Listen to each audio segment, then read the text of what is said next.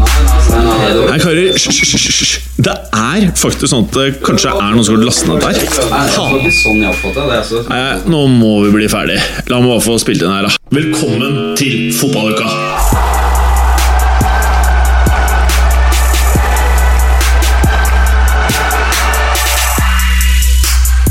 Vi er tilbake, og for en sommer det har vært, folkens. Det har vært helt vilt, og eh, vi har jo flere ganger tenkt på å bare rett og slett spille inn enda tidligere. Men det har ikke vært noen anledninger her, så nå er vi tilbake, og vi skal selvfølgelig ta dere gjennom det sykeste som har skjedd i et veldig sykt transfermarked. Først og fremst i England i eh, dagens episode, og til uka så må vi ta for oss alt det andre som har skjedd i Europa. Og så må vi jo selvfølgelig komme med tabelltips. Eh, vi er tre stykker i studio i dag. Det er Mats Børge, Børge, Børge, Børge Mats Berger og Preben. Så det er det dere får. Dere er sultefora, men nå er vi her. Alt dette og veldig mye mer i dagens episode av Fotballuka! Hallo, Mats Berger. Hallo. Hei, du. Du, uh, beskriv sommeren med tre ord for meg. Sol. Og jeg trodde det het tre bokstaver. Ja, Beskriv det med bokstaver. Ord, Eh, hva må tilbake? Sol, eh, pils og fotballfritt. Fotballfritt. Ja. Oh, ja, du har ikke fulgt med på Twitter og andre? Det er, men det har jo ikke vært eh, noe særlig fotball å se. Eh, Jeg prøvde meg på et punkt på et eh, mesterskap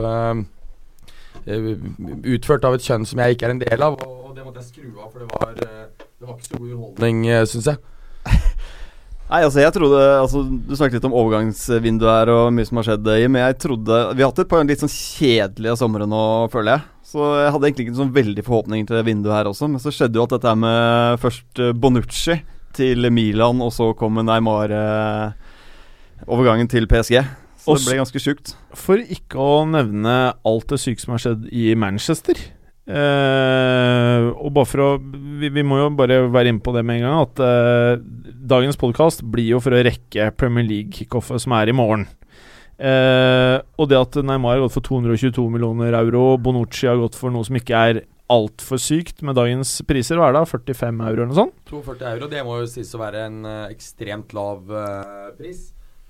Eh, ikke så veldig overraskende, egentlig. Eh, vi snakket jo litt om, om det i, eh, i vår, at jeg trodde det faktisk var gode muligheter for at Bonucci kom til å gå. Man hadde lagt om fra tre stoppere til to stoppere, og man har jo en hel drøss av disse stopperne.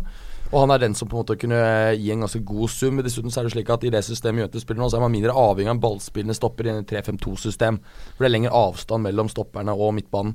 Men at det ble Milan, er jo rimelig overraskende på de aller fleste. Det var Eh, ikke mange ja. som hadde de uh... Eh, nei, det, det er jeg helt enig i, men, men, eh, men eh, det er mindre overraskende egentlig enn man kanskje skulle tro. Fordi Årsaken er jo da rent konkret at uh, han og kona har en sønn som har en eller annen sykdom, og de da ønsker å være nært det medisinske, medisinske personellet som har fulgt han opp fra han ble født. Eh, og det er, eh, det er da årsaken til at ikke det ble 70 millioner euro fra Eller 80 fra, fra City. Ja. Så um, Og det, dette er litt som um, Men vil du si at eh, Bonucci passer inn i eh, Milan-prosjektet? passer inn overalt, men er perfekt der, selvfølgelig. For de trengte jo en spiller med tyngde, og som måtte kan ta en kapteinsrolle i, uh, i uh, garderoben. Så, så han kommer til å passe veldig bra inn. Men det, det er ikke så rart som man kanskje skulle tenke på der. For også på 90-tallet, da, da Serie A var klart størst, så hadde du en del eh, overganger mellom italienske klubber og spillere som ikke ville ut av Italia. Men det hvor det var bud uh, utenfra som var høyere, men hvor det da eh, Og det er jo litt kult, da. Ja, Det er gøy. det er gøy. Slik at øhm, Jeg er ikke så veldig overrasket over at han, øh, over at han gikk, altså i det hele tatt. Og, men, men jeg tror, når du ser Barzalji, som nå begynner å se ut som over toppen, så øhm, så må Juve være litt heldig med hvordan Ruganis utvikling blir. At han virkelig bare stepper opp med en gang. Så må de være litt heldig med skader, men er de det, så vil det faktisk ikke ha noe særlig å si. Vi har Benatia også. Helt riktig. Og så kommer jo den aller mest spennende, Matia Caldara. Han sitter jo bare og venter i Atalanta, så, og han er jo jævlig hot. Jævlig hot. Uh, men bare for å ikke liksom spore helt av at vi Fordi det Du merker jo like godt som meg, Preben, at det, vi har jo egentlig lyst til å prate litt om Europa her nå. Ja, vi har det. Eh, men eh, vi kan se hva vi får tid til på slutten. Men la oss fokusere på det som har skjedd i England.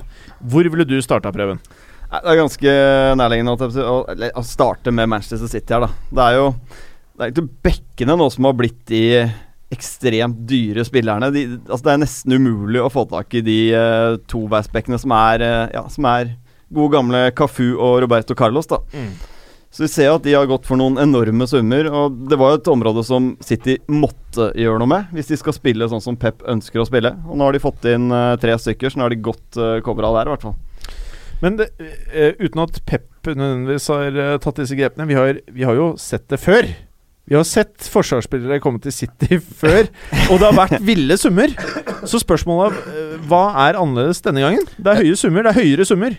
Ja, altså En av forskjellene Det er at en av de tre bekkene som har kommet, han er ikke engang god der han kommer fra. Nei. Så kan du tenke på hvordan det går i City! Ja, Se det, er, det er poeng. Carl Walker er jo safe kjøp. Ja, safe. Uh, Premier League-spiller. Og da tenkte du selvfølgelig på Danilo. Danilo ja, Ja. Men fordelen med Danilo er at han kan spille både høyre og venstre. ja, da. han spiller overalt. Og Danilo har jo vist at han duger tidligere. Det har han jo. Han uh, slet jo med ekstremt dårlig selvtillit i Real Madrid. Ja. Uh, klarte så vidt å ta imot ballen på slutten der. Ja. Klassisk Royston-Drent-utvikling. Ja, og en annen som nå i Bayern uh, var en, en kompis av meg som så um, Bayern-Liverpool. En vi har hatt i studio her, Bjørn Christian Stadum. Han sa at uh, Renato Sanchez nå gjorde han så mye barnefeil at han virker bare helt knust. Ja, han har blitt most, han òg. Han, er, han har også blitt helt han har gått fullstendig i regress. Ja, han har gått i regress. Men uh, la oss holde oss til England-prøven. Jeg er ikke så sikker på at Mendy heller blir den superspilleren han egentlig bør være for den summen de har kjøpt han for, da. Eh, Jeg er enig. De, de, de eh, kjøper potensial og må satse på å få det ut, da. Ja, så er det én sesong i Monaco, et lag med veldig god organisering, god flyt. Eh, her tror jeg han kommer til å bli isolert mye mer i én-mot-én-situasjoner. han kommer til å bli pusha høyt opp i banen av Pep. Det kommer til å være et rom bak han der som han må prøve å, å dekke også. Så jeg er ikke helt overbevist om at det er eh, Altså, god spiller, selvfølgelig. Det er vanskelig å finne gode backer. Men eh, det hadde vært safere å, bruke de penga på Danny Rose. Det kan jo hende at de hadde prøvd seg på det, uten Mm. at de fikk napp. Men Ja. med tanke på dagens uttalelser, så eh, virker det som eh, hva er det Danny Rose egentlig har sagt? Det ja, altså, Bare for å nevne én ting, da. Ja. Altså, jeg tror dette her skal puttes i den konteksten uh, Mourinho. Han var ute og sa om Gareth Bale at Gareth Bale han snakker jo ikke. Derfor greier vi ikke å hente han. Det er derfor eh, Danny Rose eh, snakker nå, tror jeg. Fordi ja, han skal det? til eh, den røde siden av United. Ja, fordi de mangler angivelig ja. nok en gang, og det er jo helt utrolig. År etter år så mangler de venstrebacker, og de handler jo for harde livet. Hvor de blir av, er litt vanskeligere å si, da. Men dette her er jo agentstyrt, Ja. uh, definitivt. Altså, Carl Walker og Danny Rose har spilt fotball sammen siden de var seks-syv år gamle. Nå ser han at uh, kompisen drar til Manchester City, og han gjør? Han, eh, Carl Walker betaler mer i skatt enn det Danny Rose får i uka om dagen. Så mm, han vil jo gjerne opp på det samme, og han vet, han vet jo nå at Tottenham sier nei til alle bud på, på Danny Rose. Uh, rett og slett fordi de har latt én mann gå, de vil ikke la flere gå. Så dette er jo den eneste måten for Danny Rose å få en overgang på, er jo å sette i gang den, eh, den eh, det hjulet her, da. Men er det ikke litt douchey å begynne med dette dagen før eh, Premier League-runden starter?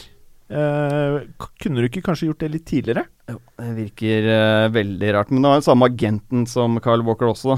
Ja. Så, men det er jo, timingen her er jo ekstremt spesiell. Men så vet vi jo ikke hva de har snakket om hele sommeren på kontoret på, på White Hart Lane. Eh, det kan hende at eh, Danny Rose har sagt dette her i mai, at jeg vil bort. Og dette her er siste utvei. Nå starter serien snart. Nå må jeg gjøre noe for å komme meg videre. Men- så det vet vi jo ingenting om. Men det som er jævla gøy med Tottenham, og eh, som skiller seg litt ut i moderne toppfotball, det er jo dette her med at de har en sjef i Tottenham som eh, jeg tror gir ganske faen i om du eh, er ute og prater litt, om du ønsker det en eller andre. Jeg tror ikke Levi bryr seg en døyt om noe som helst. Det har man jo sett tidligere, med spesielt tenker jeg på Modric. Han holdt jo Modric en sesong til. Jeg, han kan fort gjøre det med Rose også, men det kommer veldig an på hvordan Pochettino Pochettino er veldig opptatt av disiplin. Uh, laghold, at alle skal trekke i samme retning. Hvis det er et uh, råttent egg der, så, så vil han kvitte seg med det. Og heller gå for uh, Ben Davis, da, som må gjøre den jobben hele sesongen. Og det er kanskje ikke dårligste backupen uh, du får. Nei, men det er kvalitetsforskjell på de. Danny Rose er bedre enn uh, Ben Davis. Men jeg syns jo mye av det Danny Rose sier, da, er jo riktig. Altså Mm. i forhold til lønnsstruktur, at de Det er er jo no noen gang sånn at du må betale markedslønn da, for å beholde de beste medarbeiderne dine. Men uh, Tottenham har rett og slett ikke penger til det nå. Jeg tror Tottenham egentlig gjerne ville gjort det, men uh, dette er sånn halvt år gamle tall, men Tottenham bruker 51 tror jeg, av omsetningen. Det bruker de på spillelønninger. Manchester United bruker 45% Manchester mm. City bruker 50 mm. Og de så, har en helt annen omsetning, så ja. ja. så selv om de har mye høyere lønninger der, så, så er dette her vanvittig dyrt for, uh, for Tottenham om dagen. Med betal ned på stadion. Så de har Tottenham har rett og slett to-tre veldig utfordrende sesonger foran seg nå. Ja, det er litt der Arsenal var da de bygde ny stadion. ikke sant? Og, og dette prosjektet er vel faktisk en god del større og dyrere. 800 millioner pund. Uh, Arsenal bytter vel i sin tid bare vel halvparten, tror jeg. 400. Så det er et stort løft. Men det er klart, etter det, da vil de faktisk være der oppe hvor de kan, uh, kan betale det samme. Kanskje ikke som City og United, men det samme som Liverpool uh, og Arsenal, i hvert fall. Mm. Så det handler liksom om å klare å overleve de to-tre sesongene nå. Men uh, det skal bli hardt å holde på Christian Eriksen, Delali. Uh, Harry Kane tror jeg faktisk er sykt lysten på å være første målskårer på ny stadion, så han tror jeg faktisk de beholder uansett et par år til. Mm. Eh, når det her er sagt, la oss se på det andre mm, som Manchester City har gjort. Det er jo der vi starta. De hentet jo Bernardo Silva. Uh, og det med tanke på de summene spillere går for om dagen, det var vel ikke så avskrekkende dette? Var det ikke 46 euro? Nei, det er jo fremstår jo relativt rimelig. Det er sånn som markedet har blitt. Det er vanskelig å forholde seg til disse summene. Men, og, og, ikke skjønner jeg det, hvordan eh, du noen ganger Det er jo ren ryktebørs, selvfølgelig, men at Mbappé, Mbappé, Mbappé en dag har vært 160 millioner euro, ifølge ryktebørsen, andre dagen så Angivelig så er Monaco keen på 200, og så selger de eh, en av de beste spillerne i fjor for 46 millioner euro. Det virker litt sånn eh, random. Ja, altså det, det, jeg tror Nå ble jo den overgangen eh, gjort veldig, veldig tidlig. tidlig. Uh, antagelig så var det mye gjennomført før selve sesongen var uh, avsluttet. Ja. Og det kan nok uh, rett og slett være at ikke Monaco trodde at markedet skulle dra så voldsomt av gårde. Det er jo en pen pris uansett. Ja, for hvis du ser på, på, prisen til, som nevnes i forbindelse med Thomas LeMar, så er det jo den prisen Den er jo nå uh, dobla. ja, Og han var jo mindre etablert da ligaen ble avsluttet enn uh, Bernardo Silva. Ikke ja. sant? Og nå uh, Da ble linket til liksom uh, men, men, nå har det vel kommet til et sånt punkt hvor de nesten ikke kan selge noe mer? Skal de kunne være en topp fire-aktør i ligaen? Så nå har det vel kommet til det punktet hvor pris egentlig ikke er det mest relevante. Du må, du må prøve å ha en elver som kan prestere. Ja, men Det kommer litt an på um, hva de har av unge, nye, unge talenter. Da. Altså, det er jo en bra uh, til å få frem talenter, så det kommer vel ny, noen, noe nye opp, opp, her også. Ja da, Jeg så serieåpningen til Monaco. De vant 3-2. Uh, men det var ikke veldig imponerende det de presterte i den matchen her. Så det er en del nytt som skal inn der, selv om stammen på sett og vis er ganske lik, altså. Og så tenker jeg liksom, nå vet jo ikke for sikkert om uh, Mbappé blir, eller om han uh, Altså, interessentene fra Premier League, uh, som vi har lest om, det er Arsenal. Skal man Jeg vet ikke hvor relevant de er i denne samtalen. Nei, det tror ikke jeg. Det er bare men, City i realiteten, tror jeg. Men City har jo vist interesse fra starten av. litt vanskelig å se helt hvor han skulle spilt der, skal vi være helt ærlig. og så har du hatt Real Madrid og PSG. og PSG har, som vi vet, burna mye penger allerede. Uh, mens Real Madrid uh, Er det realistisk at Mbappé uh, drar noe sted i sommer, eller ser vi at han blir i Monaco videre? Jeg tror det er mulig, men jeg tror da um, må du se at en av de eksisterende førstelaget, altså førstespillerne i Real Madrid forsvinner. Og det er, da, det er jo da, Bale som er aktuell. Jeg tror fortsatt det mest sannsynlige er at uh, han blir i Monaco, men at han kan allikevel bli kjøpt av en eller annen klubb og lånt tilbake til Monaco. Men det vil si at han går ikke til Premier League? Det tror jeg ikke er aktuelt. Jeg ser ikke at City trenger han heller. De har jo Gabriel Jesus der, de har uh, Sergio Aguero. Ja, jeg tror dette er et rent race mellom PSG og, og, Real Madrid, og Real Madrid uh, tror jeg tar det. Hva med de deilige Neymar-pengene som Barcelona har nå, da? De har, linkes ikke til han. Jeg ville sagt at de burde, burde vurdert det, fordi um, Mbappé kan jo også spille i den rollen, selv om jeg ville brukt han som midtspiss, for å være helt mm. ærlig. Mm. Uh, men, uh, men, det er klart at i, i, Real Madrid så er det også en mer vingrolle han er tiltenkt. Mm. Jeg så. tror mange klubber tenker at det er jævlig mye penger for en kar som har prestert i syv-åtte måneder. Mm. Sånn som det høres helt tullete ut. Så jeg tror ikke Real Madrid er villig til å betale halvannen milliard for Mbappé, altså. Det, det, tror jeg ikke. Jeg tror Nei. det blir en helt annen I hvert fall en struktur på det, da. Men det må jo være noe add-ons her i så fall. De får ikke straight up uh, halvannen Nei. milliard uh, penger for den. Nei, det, det må være mye bonuser uh, knyttet til om man uh, f.eks. vinner Ballon d'Or osv. Det Ja. tror jeg. Dere merker at vi, eh, dragningen vår er jo mot å prate om fotball-Europa. Eh, men la oss prøve å holde oss til eh, Premier League. Uh, er det noe mer vi ønsker å si rundt uh, sommeren som Manchester City har hatt? De har jo fått ny Eller de prøver seg på ny keeper igjen, da. Nå trodde jo alle at uh, Bravo skulle være en uh, strålende signering for Manchester City. Han var jo god i, i Spania, men det viste seg at det funket ikke i Premier League. Merkelig hva som skjedde der. Bravo var nok litt uheldig med å ha et forsvar foran seg og en sentral midtbane som ga han null cover. Men, og det var relativt store sjanser han fikk mot seg, selv om han også gjorde mye call selv.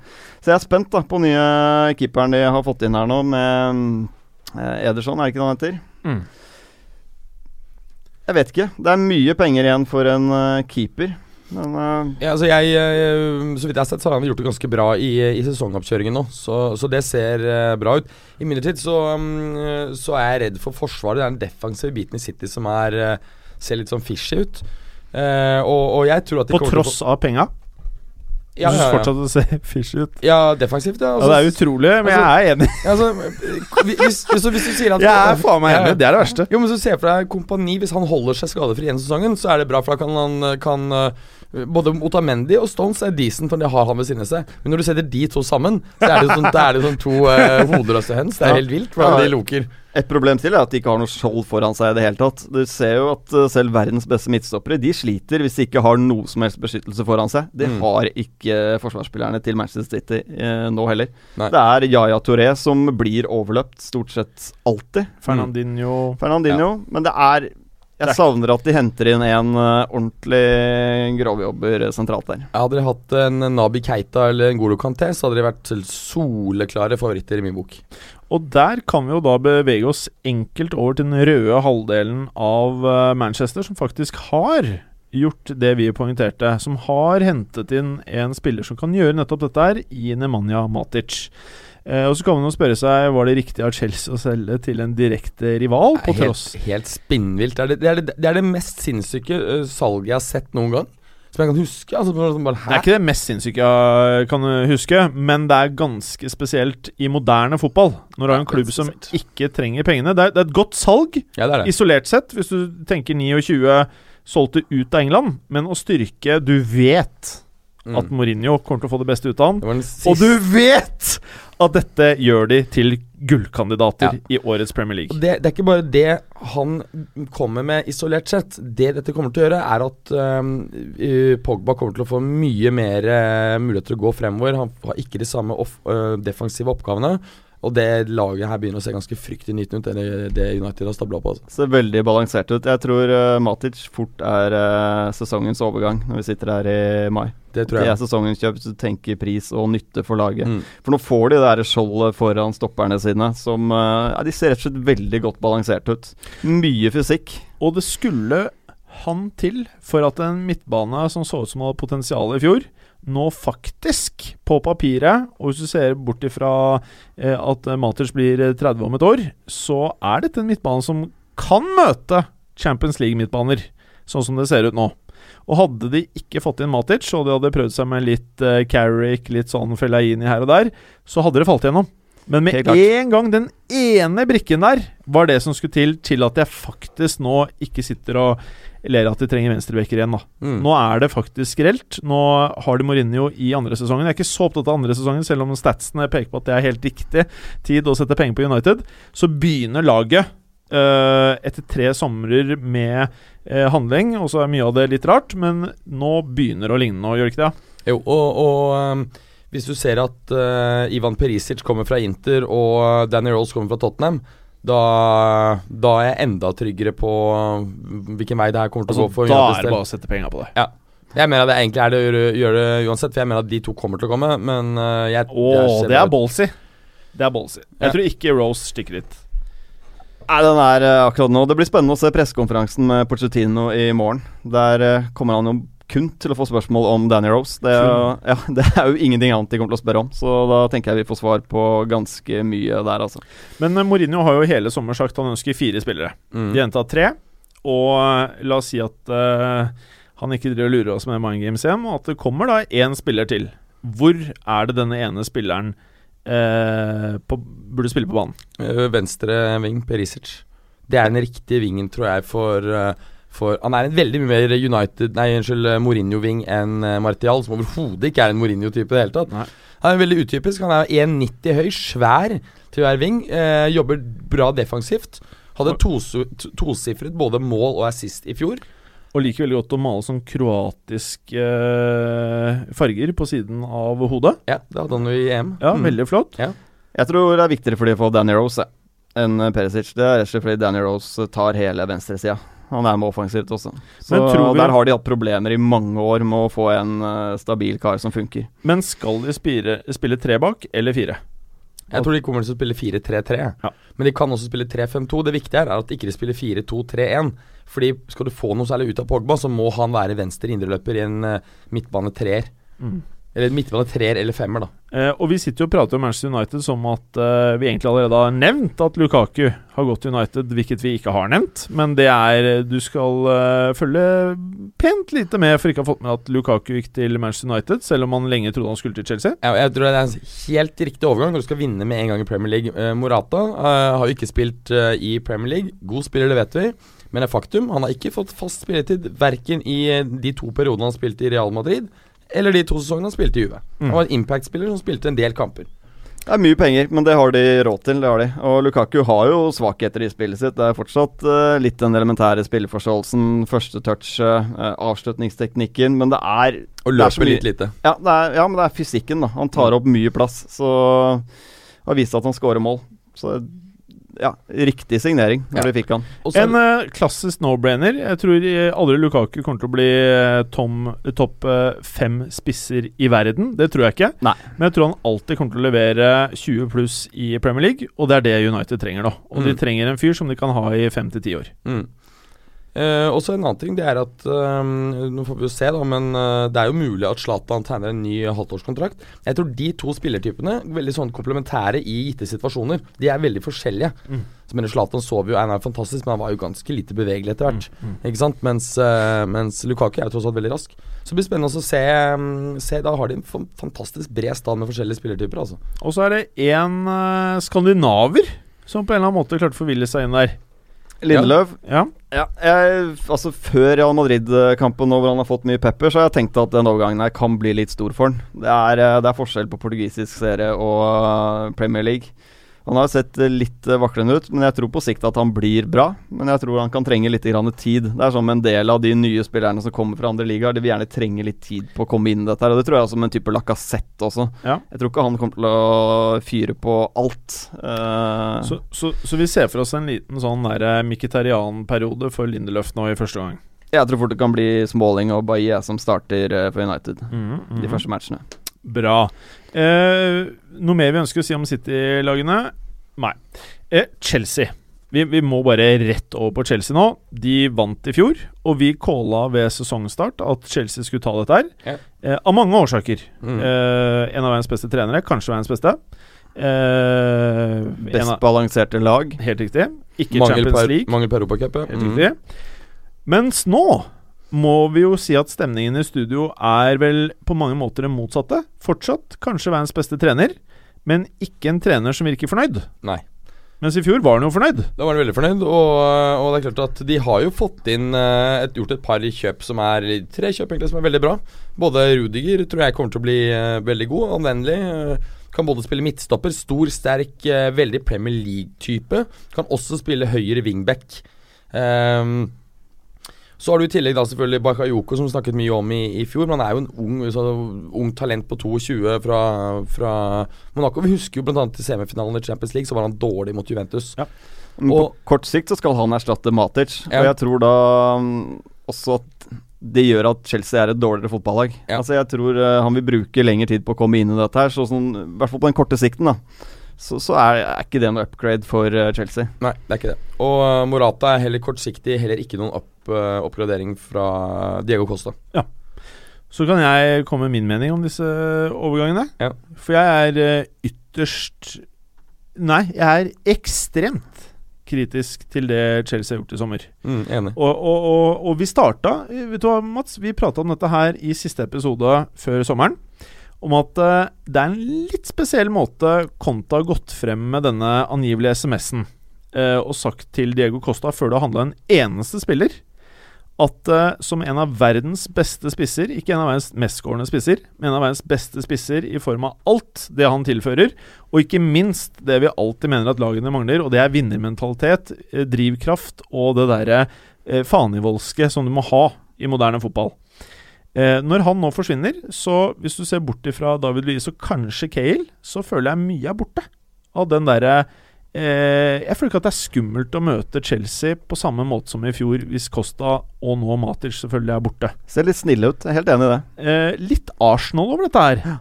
Og Terry er der jo ikke lenger. Mm. Eh, garderobemannen. Så eh, det jeg tror de har fått i Morata, det var noe de egentlig ikke var kine på. Jeg tror ikke på at dette var førstevalget til Conte. Nei, jeg tror ikke jeg. Jeg tror han var keen på en eh, svær okse som heter Lukaku. Og eh, Madrid og Perez eh, var vriene med Mourinho, og han ble forbanna. Så henta de eh, andrevalget, som jeg mener burde vært førstevalget til både United og Chelsea.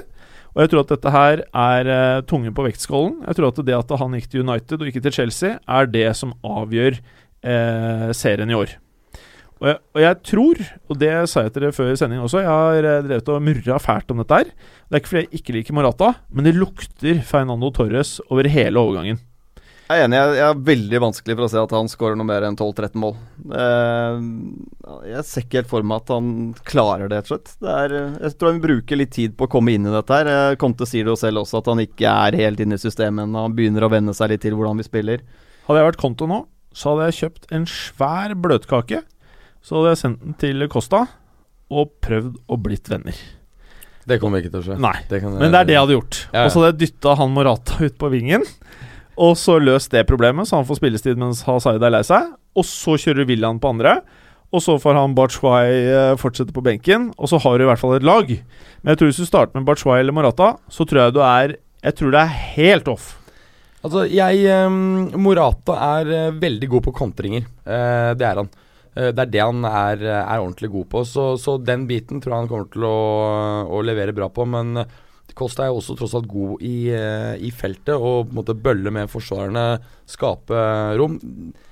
Morata syns jeg ofte har vært skuffende mot etablert forsvar, spesielt i, i Juventus. Så jeg er litt enig. Mm. Ja. Og troppen ser tynn ut. De Det er det som spille er- Europacupen. Og det er det største problemet til eh, Chelsea. Ja, er Nå har de Eden Hazard ute. De har egentlig bare Pedro og William på kantene. De har eh, det, de har tre sentrale midtbanespillere nå. Uh, sendt uh, Loftus Cheek ut på lån. Veldig snodig når de ikke har sikret seg en backup først. Chaluba også ute, vel. Chaluba er solgt til eh, Watford. Solanke moster de rett ut. Mm.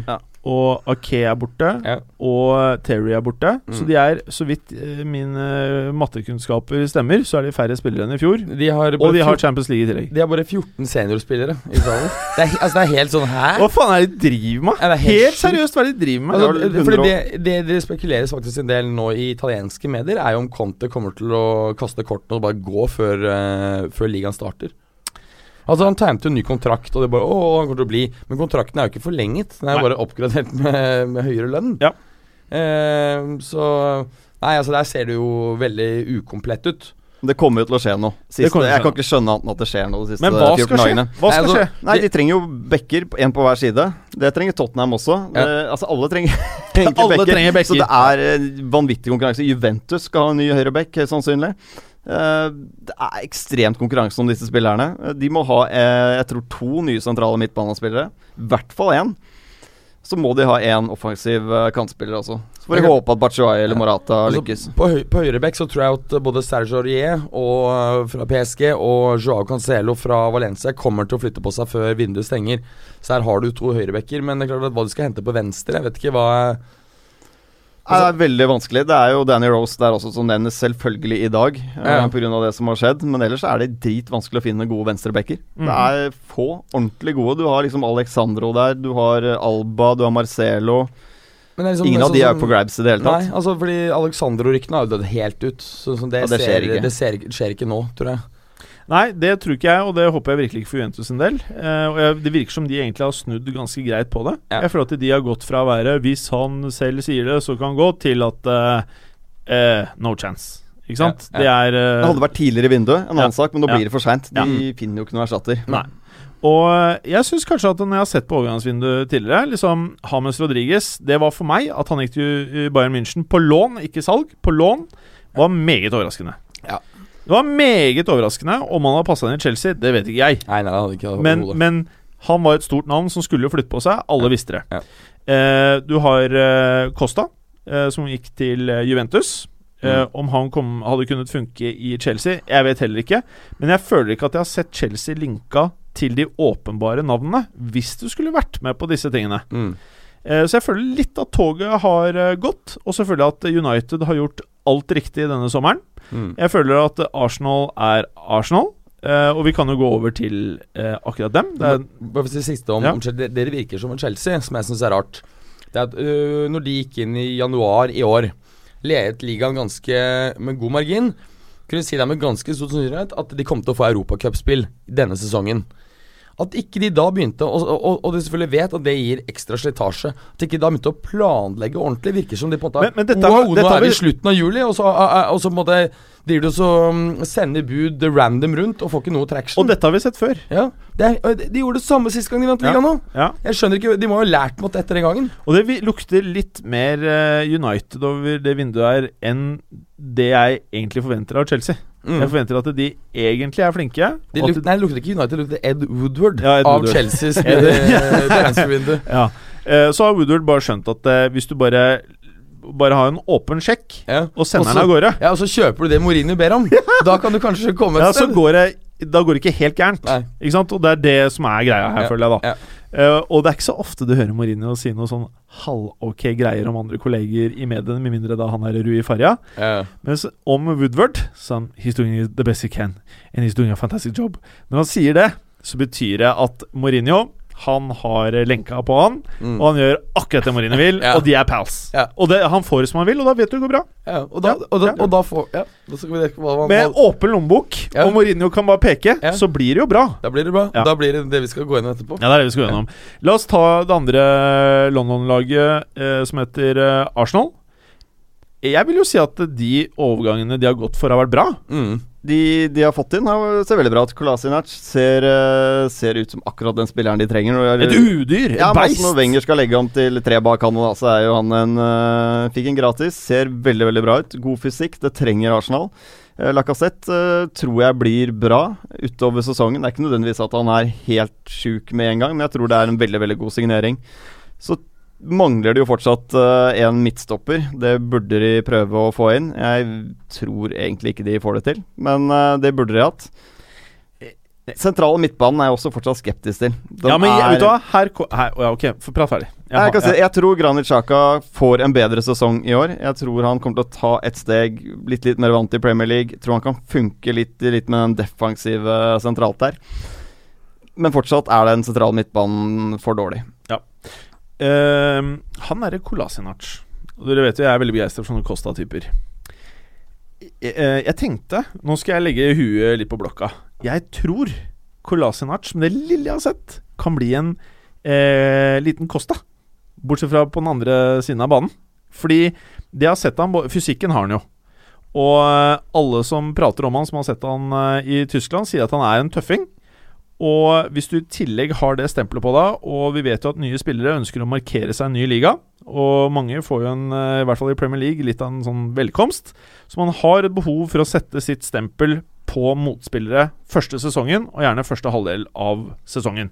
Så jeg tror Kolasinac kommer til å bli en skikkelig tøffing. Og jeg tror han kommer til å bli mye viktigere for Arsenal enn det eh, folk sier er en god overgang. Jeg tror han kommer til å bli viktig. Jeg også. Og og jeg tror han kan bli viktig for moralen i laget. Og eh, hadde ikke Arsenal vært det Arsenal er, at de Det er alltid et par spillere unna. Du vet hadde de klemt ut 100 til nå, så hadde det vært kanskje da gull. Kanskje. Men de vil ikke. Nei. Så det blir jo ikke gull. Men det er jo også noe med den treneren som uh, har institusjonalisert middelmådighet uh, nå systematisk de siste tiåret. Men faen, dere, du vinner jo ikke ligatitler. Du trenger en ny trener, så kan du godt like fotballen, for de spiller jo fantastisk fotball. Men de ender jo ikke opp på noen vinnerrom. Men det, det kan bli en bedre sesong enn i fjor. Ja. Og, Jeg tror det blir mye helt- bedre ja, uh, resultatmessig i Premier League, det tror jeg. Ja, og Kolasinac øh, kan jo både spille venstre side av en øh, bakre treer, men også wingback, så, så han er jo en anvendelig spiller her. Så, og, selv om han ikke var perfekt i, um, i Community Shield, så, så var han jo veldig god. Ja da, jeg syns han uh, gjorde en veldig god kamp. Så jeg tror, som dere sier, også en veldig bra signering. Hva kunne Arsenal gjort nå på tampen eh, av august for å kanskje eh, befeste en liten tittelutfordrer? Hadde de kjøpt Nabi Keita og Virgil van Dijk så hadde de, og byttet trener, så hadde de vunnet. Nei, men jeg er helt enig at Det har vært to Jeg veldig gode signeringer, og det er jo den type spillere de trenger. Ja. Uh, som hadde fått det helt opp på toppnivå. Men det er noen sånne små hull der. Det blir all, litt for ofte kamper hvor du kommer til å se Per Mertesaker uh, styre skuta bak der enda litt tregere enn han har vært i de senere sesongene. Med Gabriel og ja, så, Jeg er helt enig i det dere nevner her. Tette hull. Det er det Mourinho har gjort. Mm. Ja. Han er ett eller to hull unna å ha en stall som kan kjempe alle fronter nå. Mm. Eh, og det er det du, du, det, bare, det er ikke i nærheten av det vibben man får av Arsenal. Nei, og det vil være matcher hvor uh, Sanchez er ute. Han kommer til å være ute i starten, og Özil er ikke sikkert han kommer opp på det nivået han har vært uh, noen gang. Hvem vet? At de må stole på at Iwobi og Walcott da, er de som skal produsere fremover. Mm. Så ja, en offensiv spiller til også hadde gjort seg. Blir Sjurotens Om det blir, hva- en gang til? Blir Sjurotens Jeg tror han blir det. Ja, jeg Nei, tror jeg så det. tror han kommer til å bli én sesong, og så går han sikkert neste år, for han er lei av å sitte så mye på benken. Ja, da, ja. Ja Han er fortsatt en viktig spiller for dem. Han eh, skaper jo mye kaos. Han ville vært for øvrig eh, veldig riktig å fått inn for Everton. Uh, hvis de Ja. hadde greid å riste han løs, så Ja, hadde det Og så fått inn For eh, Gylvi Sigurdsson. og Ja, da hadde jeg sett uh, Ja, vi kan snakke om det etterpå, men det er klart at skulle det en, gått en brasilianer fra Mercyside og ned til Barca, og det ikke blir noe mer i Da kan fort det bli en Ja, Enig. i, i Liverpool, altså. La, la oss gå til den, eh, den eh, hvitdraktede delen av London, eh, Preben. Og der du, har, du trenger ikke mye tid for å summere opp uh, transfermarkedet deres. Gazzaniga er på vei inn som ny tredjekeeper. Det er vel det nærmeste de er å få en signering nå. Men uh, nei, man skal Altså, kontinuitet er viktig, bare for å ta det først. Det er jo Man blir fort blendet av at uh, lag splæsjer milliarder av kroner, men det er mye Altså, fotballferdigheter er én ting, men særlig når du henter fra andre ligaer, så skal de ha den rette mentaliteten, de skal tilpasse seg kulturen. Altså, Nolito så jo ut som en milliard, han i Celta, men falt jo helt gjennom i Manchester City.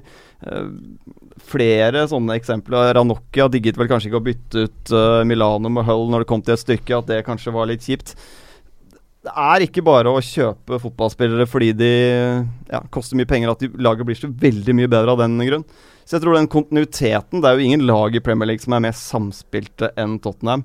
Førsteeleveren til Tottenham Ingen andre, selv om alle de andre klubbene har brukt masse milliarder.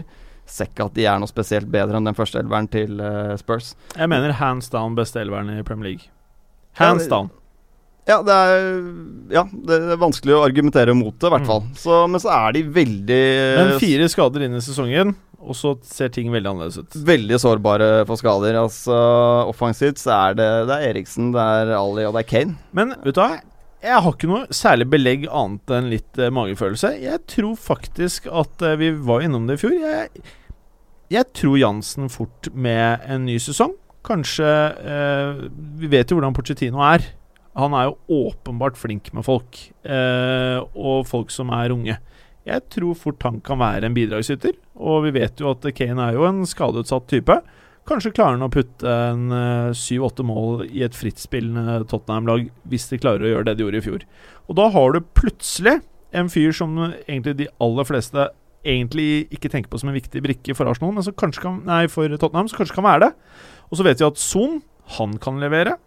Så det er jo ikke helt mørkt. Nei, og jeg tror Ross Barkley kommer til Tottenham. Ja, tror det, følelsen av at han kommer. Altså, Men er det en bra ting for Tottenham? Åtteren er ledig i Tottenham. Den offisielle nummeren er kommet i dag. Jeg tror den kommer til å komme veldig nærme deadline day. At de rett og slett bare venter ut og får prisen så lav som overhodet mulig. Det er veldig levy, i hvert fall.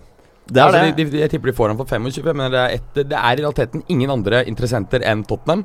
Det er ett år igjen, eller under ett år igjen av kontrakten. De vet at uh, får de ikke solgt noe, så er de penga borte. Jeg tror de får han for 25, og da er det en god signering. Jeg tror Barkley vil litt. Det er Ja, ja. Jeg, flust ja. av engelske landslagsspillere der. Han Ja. vil gli rett inn i miljøet, og jeg tror, jeg Ikke tror faktisk det er en rett spiller for Tottenham å kjøpe. Han er energisk, han uh, Og resale value, som vi vet de value, er opptatt av. Ja, Og ikke minst eh, at uh, Pochettino er flink uh, til å forbedre unge spillere. Og Det er, det er jo antagelig noe av motivasjonen eh, til Ross Barkley for å gå til Spurs òg. Ja. Og så tror jeg at uh, Du vet jo, spillerne prater jo garantert uh, seg imellom.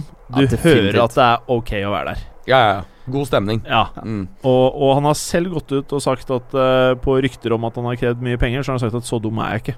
Nei. Jeg vet, hva, jeg vet at Jeg jeg vet ikke hva, kan men hva, er, Ja. hva, hva er verdien her? Ja, Mm. ja.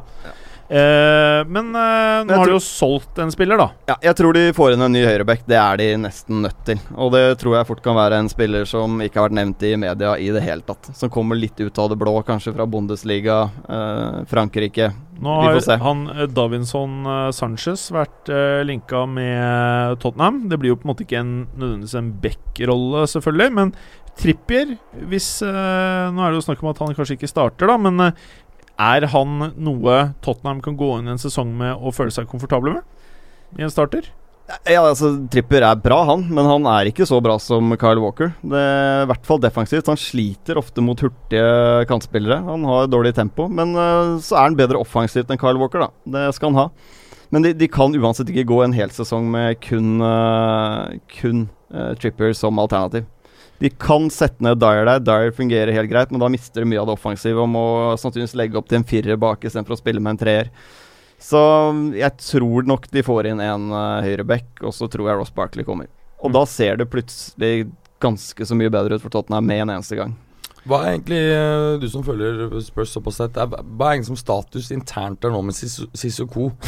Har de gitt han opp? eller sånn? Nei, men, så, ja, men, Nei, altså, men jeg, jeg tror uh, han kommer til å være i Tottenham neste år også. Og jeg tror uh, han er faktisk mannen som kommer til å starte nå på høyre wingback uh, mot Newcastle. Uh, ja, for altså, i helgen. Vi vi vet at han faktisk har et uh, høyt uh, maksnivå. Han kan være veldig bra. Det er ikke noe å le av det, det er jo sant. Nei, altså det, de må sier være da kort, kort tid igjen av kontrakten. Ja, altså han- Hvis han hadde hatt rullerende månedskontrakter, så ville du hatt en verdensklassespiller. Ja, ja. Helst på ukesbasis. ja, men De vil i hvert fall ikke låne han ut. Det er helt uaktuelt, etter det rapportene ryktene sier. Eh, salg kan være aktuelt, men jeg tror ikke det er så mange som er villige til å bla opp de 30 som eh, Tottenham definitivt skal ha igjen. Mm. Så da tror jeg rett og slett han blir der. Ja. Uh, I hvert fall en sesong til, og så blir han en squad-spiller i år som folk kommer til å være misfornøyd med. Ja. det For han skårer jo sikkert mot Newcastle i helgen, da. Ja. Ja, Det gjør han helt sikkert. Ja. Eh, og bare fordi uh, dette med Danny Rose, uttalelsen hans, er så, så, så mørk og trist sorti, så syns jeg vi egentlig bare kan spare litt tid på det. Og så kan folk gå inn på Twitter selv og lese alt det han har sagt. Og jeg syns, uh, pardon my French, det er køllete å begynne med dette her dagen før uh, ligaen starter. Det kunne du gjort på en helt annen måte. Og hvis du har noe som helst uh, tro mot klubben som skapte deg, så eh, gjør du dette på en annen måte, selv om du er keen på mer penger og vinne medaljer. Uh, sånn tenker jeg. Så har vi det neste laget som det er naturlig å gå til nå, og det er Liverpool. Og Jeg tror det er litt sånn same old story her, altså. De Ja. har, jeg klarer ikke å se at de har blitt uh, nevneverdig bedre enn i fjor. De har fått inn Sala, veldig god spiller. Han kan fortsatt Jeg har vært litt negativ til han. Jeg syns den sesongen han hadde nå i Serie A, er første sesongen hvor han har tatt vare på målsjansen. Har blitt litt sånn end product på han. da Litt sluttprodukt på han. Så jeg, Han har sett bra ut i treningskampene også, men nå har de Adam Lallana ute i to-tre måneder. Eh, Coutinho vil han til Barca, så går han til Barca før uh, vinduet stenger. Det er jeg ganske sikker på. Sånn er det. Der spillerne sitter egentlig med all makten der. Og skjer det, så er det jo et dårligere fotballag enn i fjor. De skal ut i Champions League. Tror det blir slitasje altså, på Ja. mye spillere der. Og jeg tror vi kommer til å se det samme som vi har gjort de siste fire-fem årene. At de har et skyhøyt toppnivå, Men så går de på noen blemmer eh, hjemme mot West Brom og i det hele tatt. Ja, altså det er, kommer til å bli litt av det samme, tror jeg også. At du, du vil slite å bryte ned lag som ligger eh, veldig dypt og kompakt. Men eh, samtidig så kommer de jo eh, til å være fantastiske mot lag som tar styringen i kamper. Hvor de kan eh, basere seg på å presse høyt og, og kontre lynkjapt med, med all den hurtigheten de besitter. Ja, så har de ikke løst venstreback-posisjonen, syns jeg. Selv med kjøp av Andrew Robertson, så er han en grei spiller. Det er ikke noe mer enn det. Altså, det, er ikke noen, det er ikke noen Marcelo, men det er, jeg, jeg syns faktisk den er en ganske fet signering som Altså, kan være ganske, ganske solid. Helt greit kjøp, men det er ikke noe sånn at det løfter de opp i Champions League. eh, Sånn. Liverpool-sportere vil jo poengtere at Moreno har blitt veldig mye bedre over sommeren, men Med En god treningskamp mot ja. litt som slapp Bayern München, som uh, egentlig gir fullstendig faen. Jo, men han var jo i sin tid ganske stort talent for noen år siden. Husker du ikke? Da var det liksom raskt linka kunne være nye, ny- nye Real Madrid-venstreløpene og sånn. Ja, Jeg husker det. Ja, nye Galacticon. Men ja, ja. så gikk det jo rett i rassen, da. Det gikk helt fletta. Det, der, Ja, uff a meg, uff a men, meg. Men, men eh, det, det er ikke noe unaturlig at vi ser at Klopp greier å utvikle spillere som vi har mistet litt troen på. At det Ja plutselig er noen som stepper eh, opp, ikke sant. Så Men altså, at han blir tunga på vektskåla, er vanskelig for å se det, altså. Men jeg, jeg tror på de riktige dagene, så med Salah, Mané, Coutinho og Ja, ja. Firmino, så kan dette være kanskje det morsomste laget eh, Ja, å det se tror jeg på absolutt. i Premier League når de er skrudd på. og jeg tipper Og, det- og det kan eh, Hvis de kommer videre for gruppespill i Champions League, da kan de faktisk komme ganske langt. skje, ja. Da kan de komme langt. Ja, Fordi litt- maksnivået og Ikke sant? Det er, Litt det er sånn. Monaco-ete Ja. over det som skjer her. Det du vet ikke er bra nok, men Mm. de kan mose. Ja, ja. Ja, men Over en hel sesong så, så funker jo ikke dette her i ligaspillet. Nei. Men de, kan, Eh, men, de kan, men de kan komme langt og, og kanskje vinne cuper. Ja. Men eh, Nei. liga, det kan de ikke vinne. tror vi van Dijk stikker dit? Jeg tror det, men jeg tror ikke de mangler Keita, som da blir den siste Hadde de fått både van Dijk og, og Keita og beholdt Coutinho, da hadde det her sett uh, Kunne de fort ha vunnet ligaen. Hva tenker Ja. du, Preben? Jeg ser for meg at van Dijk ender opp i City, altså. Uff, Jeg tror meg. at Southampton er der nå, at vi skal faen ikke selge til Liverpool. Eh, uansett. Synes, har du rett i det, så ja. Nei, Og så stikker, stikker van Dijk til City, så jeg bare satt og lekte meg litt nå, vet jeg. Glem inflasjonen, da. Ja. Så er det sam, ca. samme beløp som det Real betalte for Kaka, Sabi Alonso, Benzema og Ronaldo den sommeren i 09. Mm, mm, mm, Og da begynner det å bli sjukt for en gjeng med venstrebacker. Mm. Eh, men en, nok om det. Eh, er det noen andre lag vi skal Jeg vet ikke hva vi har tid til å gå gjennom av transfers. Er det noen andre ting? Ikke for om- å, til forkleinelse av de andre lagene i Premier League, men vi, Altså, vi må være litt selektive her. Ja, Ja, altså, Everton, da. ja, Everton kan vi må rulle Ja. raskt innom her. Jeg syns de har kjøpt en del spennende, både i Pickford og, og, og Klasen. Jeg syns også Rooney er en god overgang for dem, både fordi de ikke betaler hele lønnen, så vidt jeg har forstått. Eh, betaler ikke noe penger for han. Og han er en, en, vil jo være en ledertype og kan være en inspirasjon for andre, andre unge spillere. Jeg tror også vi kommer til å se en bedre Rooney på banen enn det vi har sett de siste par årene. Ja, men det er noen spørsmålstegn her. Da. Altså, Sandro Ramires er Det er ikke Lukako Lukaku de får som erstatter her, for å si det sånn. Det er eh, Vi snakker ti mål maks, tenker jeg, på Sandro. Ja. Eh, sikkert mye benk også. Vil jeg tro at Rooney spiller alene på topp. Klasen, god sesong i Nederland i fjor. Men så er det jo det å ta det steget fra nederlandsk æresdivisjon da, til Premier League. Mange som har feila der, som har vært bedre enn han. Så, så det er litt sånn Jeg føler de har kjøpt en litt sånn average spillere for uh, masse spenn. Uh, og det å erstatte en kar som putta 24 mål Vanskelig, altså. Og Ross Barkley forsvinner jo også. Ja, altså det, det som er litt rart her Nå, nå tror vel kanskje at uh, Gylfi Sigurdsson kommer her til slutt. Men du trenger jo også en spiss her som kunne ha Altså Jeg syns det er litt rart at ikke de hang seg på Chicharito. Uh, Innbiller meg at Everton skulle greid å, å Ja, ta Chicharito foran Westham hvis de hadde prøvd her på det. Her føles Ja. det som det var det her de valgte. Den Mm. veien å gå, da. Ja. Som de har gått. Men eh, de, de har jo åpenbart visst at Lukaku-overgangen kom. Det er jo ingen som ble overrasket det. Lukaku har alltid gått ut og sagt at alle vet hva som kommer til å skje til neste år. Jeg vet hva jeg vil, agenten min vet hva jeg vil, klubbene vet hva jeg vil. Eh, så de har egentlig på mange måter gjort litt av det Tottenham gjorde det året. Akkurat til å si det. Mhm. At du bare vet du har eh, 70-80 mil til disp. Nå trenger vi 6-7 nye mann inn her. Vi Ja. fordeler det på så mange istedenfor å kjøpe to-tre ordentlige stjerner. Mm, mm. Og eh, jeg føler egentlig at vi har sett det gang på gang. Det er ikke eh, veien å gå når, når det du skal gjøre, er å erstatte én spiller. Én ting hadde vært hvis du skal inn i Champions League og du ser at du må ha en bredere stall, typ Chelsea, som åpenbart ikke tar våre råd. Eh, så sprer du deg utover hele linja, og så blir det liksom ikke noe ut av det. Nei. Og Everton for meg nå begynner å ligne mer på eh, litt Crystal Palace-ette lag, og dere vet at jeg liker det.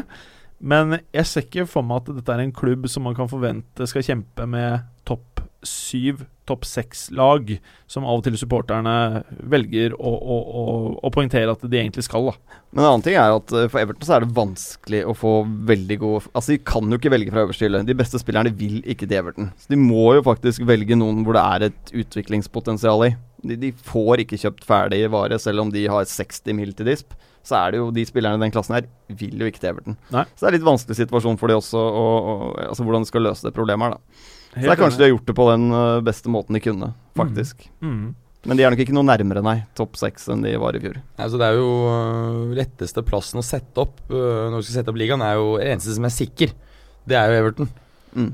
Fordi jeg mener det er et hav av uh, mm, Altså De må forbedre seg veldig kraftig for å bli blant topp seks. Og det er et hav av kvalitet ned til røkla fra åttende og ned til 20. De har en brutal rekke med matcher i starten her. De møter jo Stoke i serieåpningen, og det kan jo bli planke. Men så har de City borte, Chelsea borte, Tottenham hjemme, United borte. Så de kan få en ordentlig helvete start på sesongen. Mm. Mm. Ja, har det gått Aruni Rooney, da. Er det godt, i Rooney? Uh, er det noe vi ønsker å poengtere litt nedover tabellen her? Eh, Jorente har jo vært linka vekk fra Swansea, det samme av Sigurdsson. Uh, da begynner det laget å se farlig tynt ut. Mm. Grunnen til at vi har de ganske langt nede på tabelltipset. Så vi kan Ja. kanskje bare stupe inn i det, så kommer ja, vi vi innom lagene etter hvert her. La oss Eh, gjøre det. Skal vi starte på toppen? Ja, Vi kan jo først um, understreke at vi um, mot uh, veldig mange andre som uh, Altså Bookmakernes favoritt i fjor var jo City. Øh, Ja. Det var få som tippet Chelsea. Vi gjorde en god, grundig analyse som vi traff klokkeklart med. Ja. Og det er vi jo ganske sikre på at vi gjør i år òg. Ja. Selv, om- selv om usikkerheten i år er større. Jeg syns det er usikkert hvert år, jeg. Ja. Det er jo litt sånn fingeren i været på Jeg, jeg er fire egentlig fall, altså. ganske trygg, jeg. Er egentlig det, altså. på den vi har øverst. Ja. Og det skal nevnes at uh, i dette vide land så har jeg sett dette laget nå uh, tippa på førsteplass av så mange uh, eksperter i TV-kanaler, aviser, år etter år.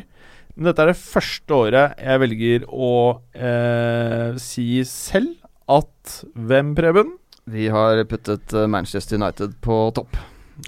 Det og det samme er jo argumentene som vi var innom i sted. At det er det, er det mest balanserte laget. De har, eh, det er det eneste laget som har dobbel dekning på samtlige plasser. Uh, og vil takle europaspill veldig veldig godt. Til og med to gode keepere der. Mm. Så um, gode signeringer. Uh, nei, det ser veldig balansert og bra ut. Så tror jeg det er positivt at Rooney er borte også. De har på en måte fått oh, ut han som tar jævlig mye plass. Det må være så deilig. Som sutrer litt, som du føler at du må bruke litt fordi han har så jævla høy lønn, er Rooney. Så nå, nå slipper han det problemet også. Eh, Mkhitarian har fått én sesong, får spilt seg litt varm i trøya.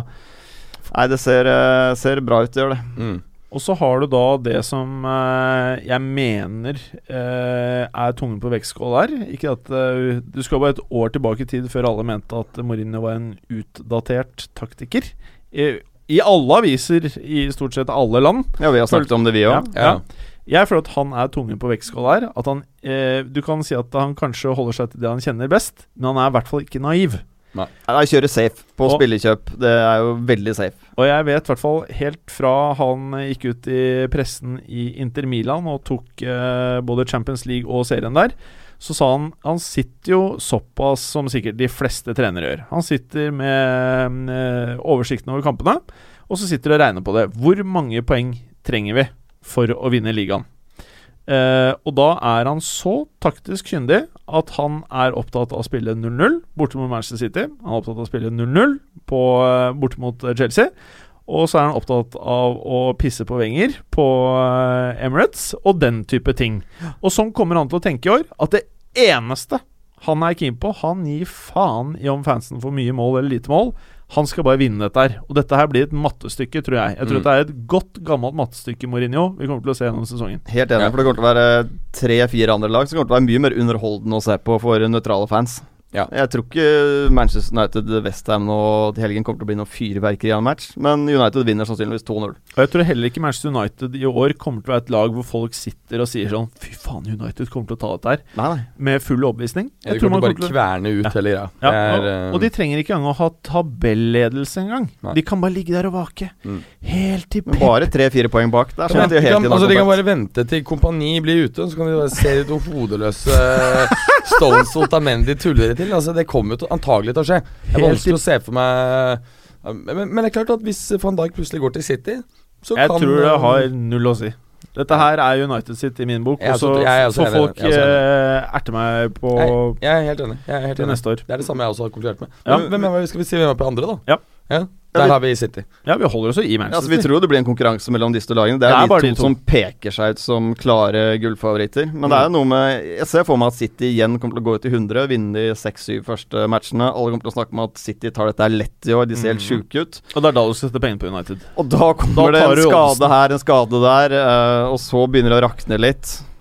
Jeg må understreke en ting. Da. Det er jo at um, Når vi gjør denne vurderingen her, så er det altså med de overgangene som er gjennomført. Ja, ja. Og at Ja. vi kommer til å ha en oppdatering ikke sant? 1.9., når vinduet er stengt. Bra, Berger. Det var bra. Ja. Mm, fordi det, det kan komme en del Altså, som sagt, skulle Liverpool plutselig greie å nappe ut Keita, van Dijk og beholde Coutinho da ser det bildet der plutselig uh, hotter ut, og, og Chelsea så kan plutselig gjennomføre transfer. Og hvis Qatar kjøper Arsenal og plutselig bare kjøper opp PSG ja, og, kom, så og bare må vi jo slår endre. sammen klubbene, Ja. da Men Deadline Day har så, jo så vært Neymar egentlig skal spille sammen Lacassette på topp. Deadline Day har jo vært dritkjedelig de siste sesongene. Det har ikke Ja. skjedd en dritt. Men Nei. i år tror jeg faktisk det kommer til å skje et par ganske fete overganger Ja, alle sier i det er- siste time. Hvorfor? Det er noe med at det er så mange klubber som mangler Mm. Åpenbart mangler spillere, og som sier de skal kjøpe. Og Da kommer desperasjonen der til slutt. At da slenger de 75 mil på Joe Allen. Det kommer til å komme noen sånne ville greier på slutten. Ja. 75 millioner Allen. Eh, Nei, men offensivt City er overlegne. overlegne. Altså, de har aller mest strengere å spille på. De har Og- eh, stor dekning, de har to kanonspisser. De har Kevin De Bruyne, som jeg tror blir årets spiller i Premier League i år. Og vi må jo også si at eh, I hvert fall føler jeg det da at de har by far de beste fotballspillerne i England. Men jeg er ikke sikker på at denne, de, denne sammensetningen kommer til å funke. Eh, så da kan vi jo ta tredjeplassen på tabellen vår, da, folkens. Der har vi faktisk eh, Comeback Kids Arsenal. Yeah. Arsenal slår tilbake. Ja. Med B-lag i Europaligaen og fullt skjerpa i helgene. Ja, og Ja, Sanchez som, uh, som da blir. Ja, vi, Ja. Dette er jo med i regnestykket. Det er med i regnestykket. Definitivt. Ja, ja, Skulle liksom City hanke inn van Dijk og Sanchez, så må vi rekalkulere Ja. inn i Putte de inn i, inn i algoritmen som har gitt oss disse fasitene. her. Ja. Men det, vi, har vært inne på det i sted. Det er gode signeringer. De, mangler, de har et par mangler som gjør at de ikke er opp, helt opp ved Manchester-klubbene, men de er kanskje best of the rest her. Ja. eh, I packen. Og så, dere lyttere sitter og tenker nå Hm, hvem kan ha fjerde? Er det Chelsea, Liverpool eller Tottenham? Og hvem er det vi har på fjerde? Tottenham. Etter mye vurdering frem og tilbake. Vi, vi hadde det litt utenfor. De holdt på å velte utenfor og ned på en europalegeplass her, men uh, det er noe med det at vi vet jo nå at Harry Kane kommer til å skåre mål. Ja. Uh, Christian Eriksen har vært veldig stabil. Del Alli har vært stabil nå. Offensivt. Og så er det solid bakover. De Ja.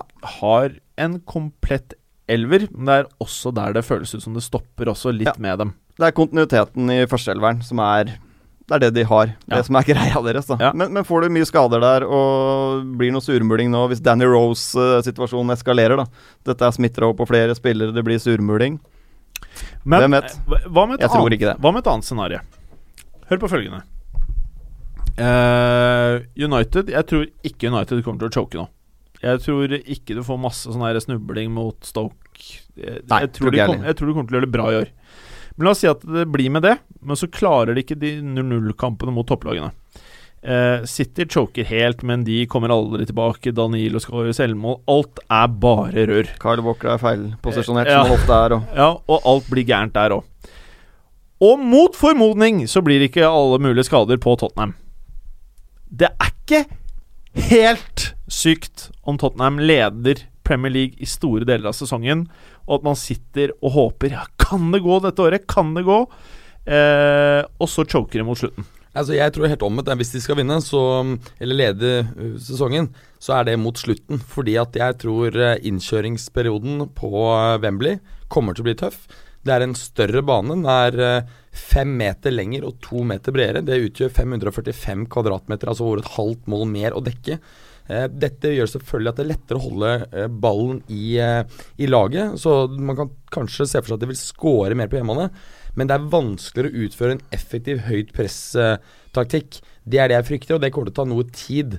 Eh, så nevnte jo du Preben, at de kanskje hadde også jobbet med å, å, prøve å spille litt forskjellig på hjemmebane. Ja, de har prøvd å jobbe på feltet siste og legge om spillestilen noe, eh, sånn at de blir mer Egentlig mer et kontringslag, at de ikke presser så høyt. da At de vil satse litt mer på kontringer. Men det er klart de vil jo ha mye ball, og mot dårlige lag på hjemmebane så vil de jo få mye større plass nå enn mm. det de hadde på White mm. Lane. Så det kan faktisk bli enda lettere for de å spille mot de dårlige lagene, men de kan slite litt mer mot topplagene. Mm. Så, Men dette er jo ingen som vet, og det er jo de tre tapene de hadde i fjor, var jo mot Monaco, som gjorde det brukbart i Champions League til slutt. Leverkosen, som er et relativt står dårlig til Tottenham, egentlig, fordi de er ganske like i presshøyde osv. Altså, uh, Genk, var det ikke? Uh, Genk tapte de mot, nei, uavgjort. Og så hadde de um, Chelsea-tappet. Så det er jo ikke sånn det er gode lag de faktisk tapte mot der. Ja. Så det er jo egentlig bare en uavgjort. Og så er det noe med at, at fordi denne, denne, banen har en del litt forskjellige karakteristikker, så kan det nettopp ta litt tid å, å endre, mm, endre, taktikk. Så Tottenhams håp er jo at de nettopp måte, har endret strategien litt, slik at ikke det blir like tydelig. De har jo, på, på, treningsfeltet så har de jo et par baner som er helt klin like Wembley som de trener på. Mm, mm. Så de er forberedt på dette her. Jeg, jeg, tror ikke problemet blir så stort som mange vil ha det til. Tenker dere sånn som meg nå? Hva da? At de er wildcard som kan på en måte Eller uh, Nei. Hva da? Tenker dere nå at en æra er forbi, hvor vi i fotballuka ikke kan sitte og le av Manchester United? Det er faktisk det er sant, sånn at vi nå har kommet til et punkt hvor Manchester United ikke føles som en laughingstock. Det er tre ja, det er, år. Ja, ja. Tre år har vi holdt på men, med det. Men jeg, hvis jeg skal være helt ærlig Jeg tror det er pauseår. jeg, tror, jeg, jeg tror om en sånn halvannet år så er det så dårlig stemning der. Og Mourinho henger med geipen, og det er helt jævlig. Men det er jo litt krise. Så jeg, så jeg, jeg, jeg tror på en måte at, um, at det er en uh, jeg tror Du vil ikke få mange år igjen sånn som nå, for nå har de på en måte bygget opp en, en stall, mange gode unge spillere. Så, så, du vil på en måte Du har bygd opp en helt annen sentrallinje i laget, men, men uh, jeg tror fort at det kommer nedtur der på et eller annet tidspunkt med Mourinho. Så har vi jo mista ja, ja, ja. Sunderland har vi mista også. Det er litt sånn krisesang for oss, dette her. Har, jeg tror og håper at Newcastle har potensialet til å ta over en sånn litt sånn laughingstock-posisjon. Eh, med pingvinen står der på sidelinjen.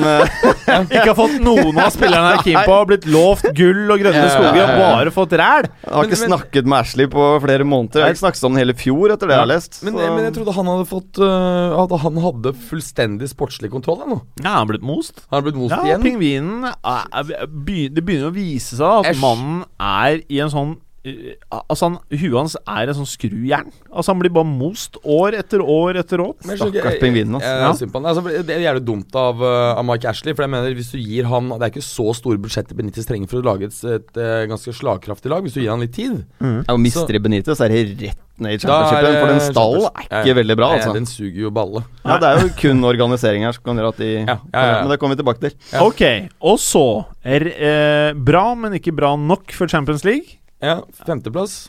Det er uh, årets, fjorårets uh, er Chelsea. Mm. Uh, og igjen så må vi jo minne lytterne på dette er slik ståa er i dag, hvor Chelsea altså da har mistet en hel drøss og har 14 seniorspillere, eller voksne spillere, i troppen sin. Det er jo helt skammelig lite. Og, og, og, og eh, Costa er angivelig ikke der da til å bekle eh, drakten sin. Dette. Nei, Costa spiller jo ikke for Chelsea. Det, Nei, det skjer ikke. Og, og eh, det, det, i Italia så er det jo en del som spekulerer om Conte nå kommer til å kjøre, gjøre som han gjorde i Juve, og bare gå. Ja. Han gidder jo ikke å Hvis ikke han får det som han vil, så gidder han ikke. Og så er det det vi var inne på i sted, altså ledertyper. Mista John Terry. Mm, mm. Matic. Det er Kosta borte. Det er selvvalgt, men ja. Og vi vet jo at Eden Hazar har evnen til å bare skru av bryteren fullstendig. Ja, altså, Hvis dette her går litt sånn trått i innledningen, så, så gidder ikke han mer. Da bare venter han på Real Madrid eller Barca ja. eller PSG eller hvem det blir til sommeren. Eh, eller at, ja. Og, eller at det skjer noe ja. Men jeg vet ikke om dere har hørt det, for det, mm, det var vel Jamie Carriger som var ute her og sa at han mente at uh, å, ha, å, ha, sikre opplysninger tilsa at store deler av uh, Chelseas tropp hater Conte. Ja. Hvis det er riktig Jeg tror han er krevende, for å si det det, det, mildt. det er han absolutt. Så klart, Hvis det er riktig, så, så kan vi jo mm, Altså Da så er det, det er det ikke bare at du har spillere som er forbanna. Du har veldig få spillere for forbanna, så du har ikke noe du kan bytte innpå engang. Altså, det, altså, ja, det ser veldig dårlig ut sånn som, eh, sånn som ting uh, ligger an. Men, Ja. men, men uh, det er bare min mening, så vet jeg at ikke dere er helt enig i det. Men jeg personlig tror jo at uh, Liverpool ender over Chelsea. Men så har jeg gått med på at uh, Chelsea da tar uh, femteplassen. Jeg kan, jeg kan føye meg. Men jeg tror Liverpool havner over Chelsea. Jeg jeg som, tror egentlig at Liverpool tar femte. Ja, Og du tror det? Ja. Men jeg som For kan at få litt at hvis det går, altså, Dette bettet er på at ting skal gå litt på trynet for Chelsea. Og jeg tror at går litt på trynet for Chelsea, så går det ikke litt på trynet. Da går det ganske mye på trynet. Det blir ikke noe sånn half-ass på trynet. Nei, nei. Men det en som sånn- kan få litt sånn uh, ny god sesong, tror jeg er Fabregas. Som Ja. nå kommer til å få Han satt jo stort sett på benken forrige sesong. Klarte allikevel tolv assist, fem skåringer. Ja. Kan fort bli en assist-konge, han altså. Eh, Nå har han ikke så mange å putte den til, men uh, har ikke så mange å sikte på lenger. Men uh, Jo, altså det blir vel um, altså William og Pedro den- er nødt til å ta tak. Jo, men også er det at når de kommer på kontringer, så kan du godt se at um, Ja. det, det her legges opp da til uh, Morata, som går på tidlig løp, som legger tilbake til en raskere, mer teknisk spiller. Uh, det er klassisk innøvde Jeg er ikke så sikker på om Morata kommer til å starte som spiss. Det kan være Bachuay som starter der. Ja, men jeg, jeg, jeg, Det i hvert fall i jeg, ligaåpning. jeg, jeg kan ikke skjønne hvordan dette skal gå bra. Nei, Jeg- er så negativ er ikke jeg til? Morata. Altså. jeg Jeg, jeg, tror, jeg tror du kan Bare Ok. Ja da. Det blir ikke Og om, om ti uker så tar vi en oppsummering, og dere skal få lov til å erte meg sønder og sammen. Men jeg tror det blir krise med Hvor Morata. mange mål tror du Morata skårer? Sesongen Ja, i Premier League. I Premier League, bare. Hvis han ikke tar straffer, Ja. så Ikke at han er god på det heller. Så ville jeg vel kanskje I hvert fall under ti. Der legger jeg meg. Jeg tenker tolv er hvis han starter alle kampene. Jeg tror under Ja, ti. det, er, det er sånn 12-13 mål. Mm. Ja, under 10. Der er jeg. Positiv altså, til Chelsea. Tror det blir bra. Under 10. Og uh, dette Costa var eh, det verste feiltrinnet, og så kan man mene hva man vil om at han lot seg friste av Kina og andre klubber. Han fyren der burde de beholdt, og Ja, dette her er uh, Dette er ikke bra. Men sånn som vi vet med Chelsea Det blir ikke da Champions League med mindre de vinner eh, Champions League i år, til neste år. Eh, og så tipper jeg at vi får et år som vi hadde i fjor, i, til neste år eh, igjen, da. Hvor de ikke har Champions League, og at de skjerper seg med Allegri som trener, eller en eller annen som klarer å få det på rett kjøl. Eh, ok, så da har vi egentlig gått gjennom både Liverpool og Chelsea. Ja, The best of the rest-rest. Ja, vi tenkte på skulle vi gjøre noe litt annerledes og dytte Everton på en annen plass enn eh, syvende, men uh, vi klarer jo ikke helt å se at noen skal ta igjen de 15-poengsgapet som var fra i fjor, selv om de har mistet Lukaku, og gapet opp er jo altfor for stort for dem. Mm. Uh, nærmest her er vel kanskje Ja, vi har diskutert noe Southampton-Leicester, om de kan være oppe og lukte på, på samme nivå som, som Everton. Hva med ørnene? Crystal Palace. Nei, Vi kommer er litt til de etterpå, men uh, nei, vi har jo egentlig diskutert kjøpene til Everton også, så um, det blir en OK sesong. Ja. Ingen overraskelser der. Nei. Neste Eh, da? Nei, altså, nei, åttende har vi Southampton. Ja. Eh, det er jo da gitt at van Dijk blir. Vi har Mhm. jo fått en fantastisk spennende trener i eh, Pellegrino, mm. som kommer fra Alaves. Så, mm. så det blir veldig spennende. Bielsa Bielsa-skolen. Ja. Så ikke så helt ulik Maritzo Maurizio Pochettino.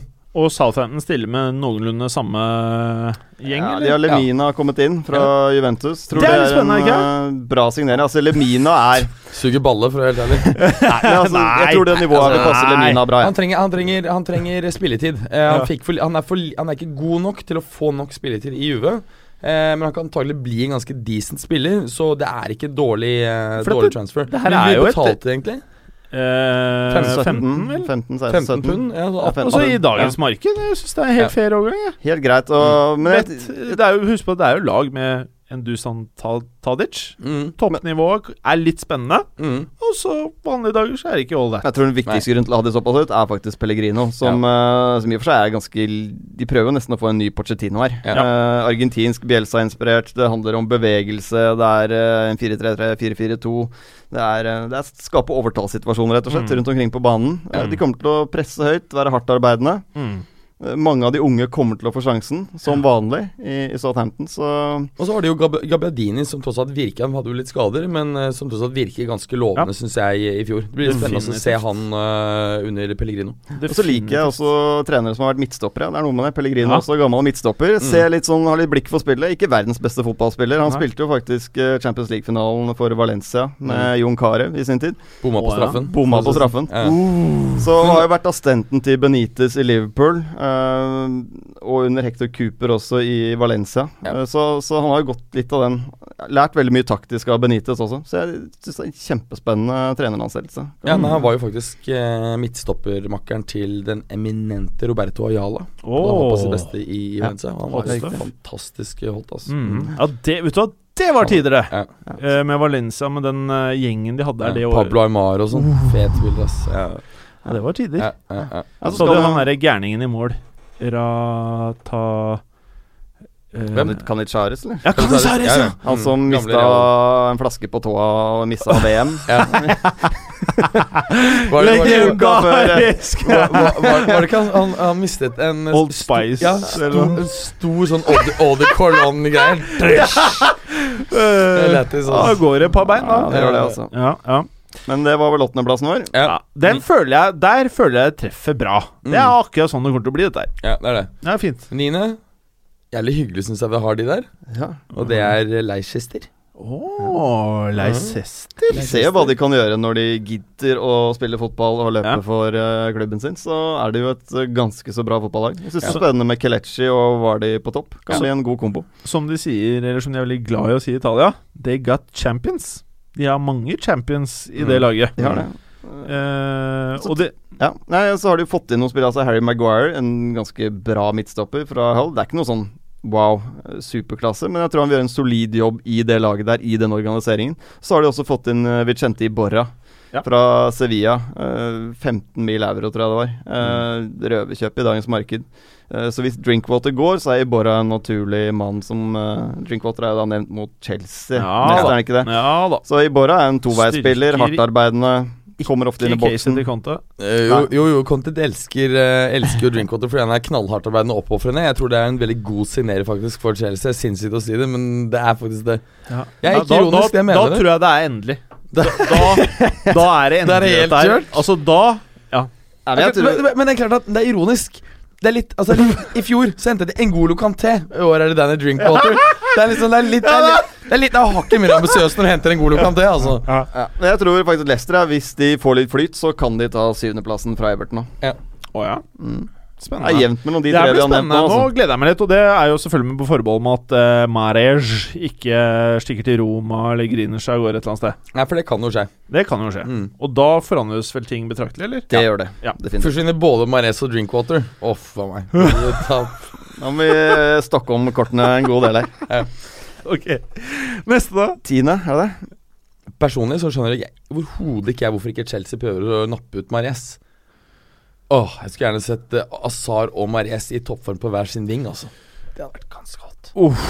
Jeg, Jeg, jeg tror det er Vi prater krisetider fremover. Jeg, ikke at Mares ikke er bra. Det er ikke det her det laget her skal bli satt Det skal være champions uh, fra uh, lag av høyere pedigree. uh, ikke at det er noe gærent Mares er fantastisk spiller. Jeg Ja, men Hames Rodriguez hadde jo vært uh, mer Ja, litt, sexy, da. Det er mye Ja. mer sexy, selvfølgelig. litt mer sexy. Men jeg er enig i at Mares kunne gjort en, Ja. en grei jobb. Mm. Men jeg tror han koster mye penger i forhold til hva du får igjen for den. Ja, da er jeg det at når du kan få um, Ja, Du ville faktisk fått uh, Hames Rodriguez billigere. Det er noe med det. Du selger litt mer drakter ved å kjøpe uh, Hames. Uh, du Pluss at det er litt mer pimp for de andre spillerne. Ja, ja. Du får drink water. Ja. Tenk, de der gutta i Chelsea kan ikke skjønne en dritt. Nei, nei, det er, det er hakket mer uh, sexy. Det er ikke Nei, nei, nei. Og neste lag, da? Eh, da er det Watford. Tiendeplass, Mm. Watford. Watford. Mm. Jaha. Store overraskelseslaget. Det er jo André Silva som vi Marco Ja, ja, Silva. ja, ja. Ja, ja unnskyld. Marco Ja, Silva. Ja. Eh, mm, Så det er grunnen, da, skjønner jeg. Nei, men det er mye her. altså For det første, så Etter at Marco Silva hadde man startet en ny tabell og tepsi, seriespill fra han tok over, så hadde Hull endt på niendeplass. Mm. Uh, og med det møkkalaget han hadde der, så får han litt bedre lag til disposisjon her. Jeg er veldig spent på Shaloba, som kommer fra Chelsea. Uh, Seks mil eh, pund bare. Tror han eh, fort kan få en liten gjennombruddssesong. Uh, Will Hughes kommer fra Ja. Derby. Har du gått gjeterom i fem-seks år nå, siden han var, ja, var 16-17. Har spilt i championship med Derby han i alle år. Hadde et benbrudd for halvannet til to år siden nå. Så satt han litt tilbake, men han kan virkelig få sitt gjennombrudd nå. Så har de også hentet Tom Cleverley, som er en sånn er en solid og grei eh, Du vet hva du får. Masse erfaring. Uh, så har du nettopp hentet Andre Gray da fra Burnley, som gjør at Burnley definitivt rykker ned. Men, uh, men han uh, var vel toppscorer i championship for et par år siden. Så hvis han finner tilbake noe av det, så ja, Jeg tror rett og slett de blir mye bedre organisert i år. Litt Ja. bedre miks mellom gamlinger og litt unge Og de kan, også, de kan også potensielt komme enda litt høyere. Altså Hadde, oh. hadde um, Silva tatt over Hull i fjor sommer, så ville jo ikke de rykket ned. ikke sant? Eh, og her har du et bedre spillemateriale enn du hadde i, i Hull, helt klart. Mm. Så det, det er et av de lagene som blir veldig, veldig spennende å følge. Problemet her er at alle Veldig lagene spennende å følge. Ja, veldig. Okay. Veldig, veldig, Veldig, spennende ja. å følge. Watford. spesielt taktisk så blir det veldig, veldig spennende å følge. Mm. Da, li, da gleder jeg meg Litt, til å nerdete, litt nerdete å si det, kanskje. Men Nei, det er veldig mener- hipstrete. Det er fantastisk. Det er jo ikke noe man liker bedre. Ja, eh, Jeg liker det. Det, det, er faktisk, det er faktisk det av liksom, de litt mindre lagene jeg gleder meg mest til å følge. Ja, ja. Men når er det skal nevne Crystal Palace, da? Ikke ennå. Det er ikke Nei, Det er lenge, lenge til. Da må ro. Hva er det vi er på nå? 11? Du har oversikten her. Ja. Ja. 11. så har vi eh, pingvinen og hans uh, disipler. Tror dere det? ja, ja, ja, ja, ja. Det er helt sykt. Jeg, jeg tror det blir litt som i fjor, at mellom uh, 10 og 11 og nummer 17 så kommer det til å skille 6-7 Ja. poeng. Ja. Altså Det kommer ikke til å være mye som skiller de lagene her uansett. Det er litt fingeren i været. Men uh, Newcastle, får han organisert det laget uh, som han ønsker, eh, så blir de vanskelig å spille mot. Men det kan også gå helt til helvete at han, at han er en av de første som gir seg. Det, det, Jeg tror Newcastle kommer på en skikkelig smell. Nå. altså, jeg, jeg, jeg tror det kommer noen signeringer på slutten her, og så er han såpass Husk på dette er jo et lag som da har vært i flytsonen gjennom fjorårssesongen. Det er ikke noe sånn at de, de Nei, nei. kommer inn her akkurat liksom Greide å unngå nedrykk. De, de har en decent struktur. Så adder han på litt, rann, og det, det skal være nok til å få en plass rundt det, tror jeg, så lenge han da blir ut sesongen. Ja, det har er- jo noe med Premier League-erfaring. Altså Mitrovic, uh, også Perez eh, Det er Ja, Vi får jo John Joe Shelby tilbake og eh, mye å glede seg til. Men uh, nå går jo minuttene her, men Ja. vi må kunne ta oss bare litt tid til uh, de nye kidsa som kanskje ikke er uh, Hvem vet? Kanskje det er første gang du skal se på Premier League. Kanskje du ikke kjenner så godt til Newcastle, og du er uh, bitte liten guttevalp. Så er det sånn at Newcastle er jo en klubb med historie. En kjempestor klubb. Altså det er, de hører jo hjemme i Premier League. Ja. De har vært uh, uheldige for å si det sånn med eieren sin Ja, over flere år, med uheldig. Mike Ashley, som uh, har jo fucka opp den klubben der. Ja. De kunne vært så mye, mye mer uh, hvis de hadde hatt litt struktur på styrerommet. Så det er jo der det måtte ordentlig har bytta for dem. På mange måter rake motsetningen av Abramovic. Virker ikke spesielt fotballinteressert på mange måter. Han er Tottenham-fan, Ja, ja, ok. Ja, Mike det er jo fint. Det er flott. uttalt. Ja. Så det er jo ålreit å si når du er leder en annen klubb. Eh, og prater vi ofte veldig lite med trenere, Manager, Ikke spesielt glad i det. Og har noen ganger total radio silence eh, når klubben trenger han som mest. Og er ikke spesielt villig til å eh, bruke mer penger enn hva som kan holde de i Premier League. Nei, Det er det viktigste for han. Men de har jo en fantastisk ramme hjemme på St. James' Park hver eneste match. Altså Byen støtter de fullt ut. Det er fullt på stadion. Det er kjempestemning her. Ja. Så jeg syns det har vært kult hvis Newcastle etablerte seg nå som et uh, I hvert fall et fast inventar i Premier League, da. Helt enig, og på mange måter sånn historisk så burde dette vært en klubb som vi prata om i samme eh, del av tabellen som Liverpool, Tottenham og andre lag. Definitivt. Mm. Og neste, da? Det er uh, Bournemouth. På hvilken plass? Det er da på tolvteplass. Ja. Um, de har hentet uh, Nathan Ake fra Chelsea for 20 millioner pund, og så har de også hentet uh, uh, Jermaine Defoe. Ja, Defoe på free transfer. 20 millioner pund for bare noen år siden hadde hørtes ut som du var sinnssyk og verdens dårligste klubb til å kjøpe spillere, men i dagens marked så plutselig ser det som et røverkjøp. Så har han vært der òg. Altså, de vet jo akkurat hva de får. Han har vært der på lån. Så dette her eh, jeg synes Kjempegode signeringer. Fått Begovic også. Solid keeper. Mm. Uh, Defoe skårer mål fortsatt. Han er helt sikker på at han uh, runder tosifra. Så Ja, og, og, og i motsetning til hva folk ser ut til å tro, så skal ikke han eh, tror jeg konkurrere på samme, om samme plass som, eh, som eh, King. Eh, King, Defoe kommer Ja. til å skåre flere mål enn Alvaro Morata i kommende Premier League-sesong. Det kan hende. Han skåret 15 for det der møkkalaget i fjor. Ja, det kan godt Sønn- hende. Det kan Sunderland. hende. Ja, det kan hende. Eh, jeg tror det fort kan skje. Eh, jeg tror dessverre at eh, vi har sett det beste av vår egen Josh King. Eh, det var Ja. den sesongen. Men jeg syns han har gjort veldig mye marginer. riktig å ikke skifte klubb. Ja, det har Det er da noe. Det er noe, men jeg tror vi fort er tilbake på fem-seks mål, altså. Ja, ja. Dessverre. Det, det, det tror ikke jeg. Jeg tror jeg er over det, men, men jeg tipper du er opp, opp mot 10, men ikke opp mot 15. Så litt sånn Morata-ette. Ja. ja, vi får se, da. Ja. Ja. Ok, og Mm. neste? Der har vi eh, Crystal Palace. Wow! Nummer 13. Mm. Ikke litt høyt? Ja, altså jeg eh, På min egen, kutt ut, eh, min egen tabell så har jeg de på nummer 15. Uh, det er uh, mye at jeg tror Frank de Boer feiler. Han er de som husker van Gaal, eh, første sesong til van Gaal Det kommer til å bli en kopi av det. Det kommer til å bli mye 0-0. Eh, my, altså Spillestilen går jo ut på å beholde ballen i laget, spille på kryss og tvers, helt til du får en åpning. Ja. Problemet med det er jo at du ofte blir jævlig kjedelig å se på. Altså, du du får publikum spillere. mot deg, du må ha riktige spillere.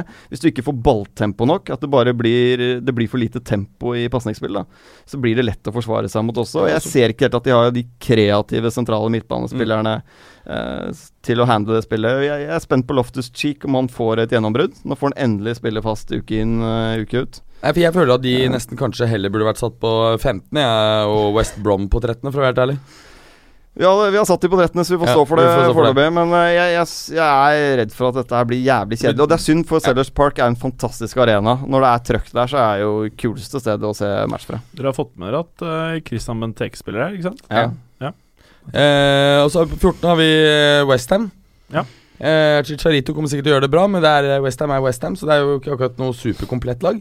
Forsvaret er helt møkk fortsatt. Altså det er uh, Men hva er det de driver med, da? Nei, men var jo Han ble kjøpt fra Southampton. Eh, Fonte. Ja, ja, ja. Fonch. Mm. Hva kalte du han? Fonch. Fonsai. Han har fått en tysk kone. Fonsai. Nei, men vet du, han har ikke sett Fonch. eh, bra ut. Og så ikke Ja. bra ut på slutten av forrige sesong. Ikke sett så bra ut nå i treningskampene. Det er kun Winston Reed bak der som er et snev av en god forsvarsspiller, i, i mine øyne. Eh, Det er de samme sentralt på midten. Jeg tror Arnautovic fort blir en kjempeflopp. Mm. Han er for mye opp og ned, og Westham er eksperter på å ødelegge offensive spillere. Hva med Så- Chicharito? Kan han bidra med noe? Det vil han, absolutt. Det, Mm. Så det er derfor de eh, er såpass høyt som 14. Ja, Men det er, de har jo brukt 100 spisser nå de siste tre årene, så én må jo treffe til slutt. Eh, 15. West Brom.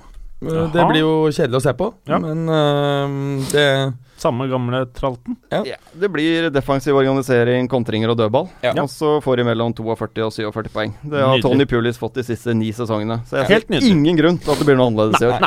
Nydelig. 16. Swansea. Det, vi tror de greier seg, men det skal Altså, holde hardt. vi har Swansea på 16. med den gjengen de har nå. Ja. Ja.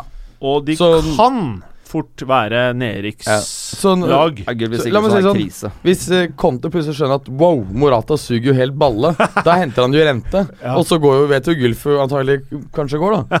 Og da må vi vel eh, restocke litt nederst der, tror jeg. Ja. De har jo fått verdens nydeligste fotballspillere, som jeg snakket om i La Liga i hele fjor. Roque Ja. Mesa fra Ja. Las Palmas. Ja. Han er jo Først så ser han jo helt nydelig ut. Ja.